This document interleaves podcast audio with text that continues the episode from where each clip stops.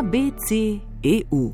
Spoštovane, spoštovani, konec leta se bliža in kot je že v navadi tudi v rubriki ABC.eu, se takrat pogosto pogovarjamo o odnosih med Združenim kraljestvom in Evropsko unijo.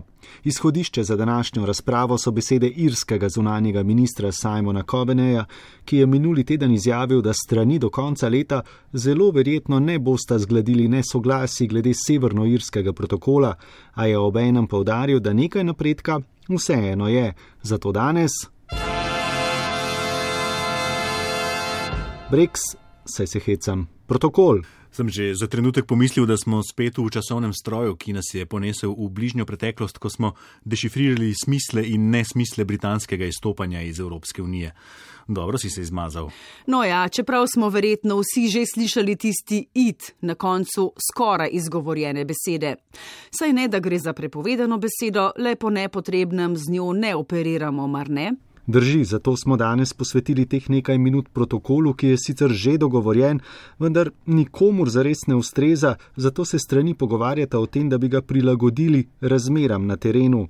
Cilj tega pred dvema letoma podpisanega protokola je preprečiti vrnitev trde meje med Irsko in Severno Irsko, njegov 16. člen pa je varovalka, s katero lahko Britanija ali EU enostransko prekine spoštovanje protokola, če oceni, da povzroča resne probleme. Ocena, da protokol ustvarja težave, je seveda subjektivna, kar takoj pomeni težave, mar ne? Retorično vprašanje, seveda.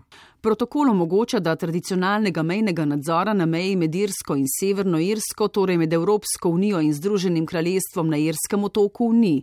V ospredju je predvsem ureditev pretoka blaga, skladno s protokolom je Severna Irska tako rekoč del enotnega trga Evropske unije, tako da nadzora nad blagom, ki prehaja mejo na Irskem otoku, ni. Nadzor pa izvajajo znotraj Združenega kraljestva, se pravi med Severno Irsko ter preostalimi deli države. Vse skupaj je kar zapleteno v praksi, še posebej, če predsednik vlade najprej govori eno, zgodi pa se drugo. Boris Johnson je namreč pred uveljavitvijo dogovora o izstopu iz Unije obljubljal, da med Veliko Britanijo in Severno Irsko ne bo nadzora. Evropsko unijo pa zdaj obtožuje, da preveč resno razume določila dogovora.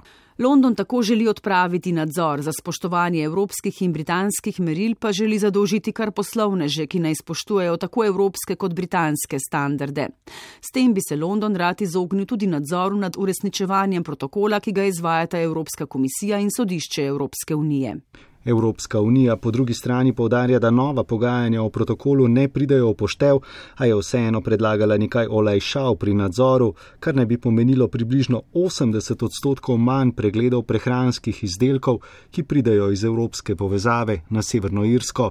Obenem pa želi tudi več informacij o pretoku blaga med Britanijo in Irskim otokom.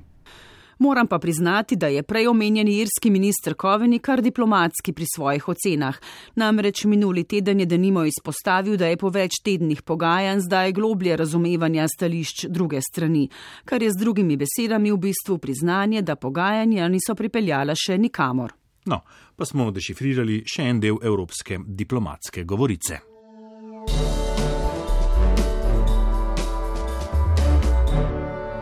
ABC EU.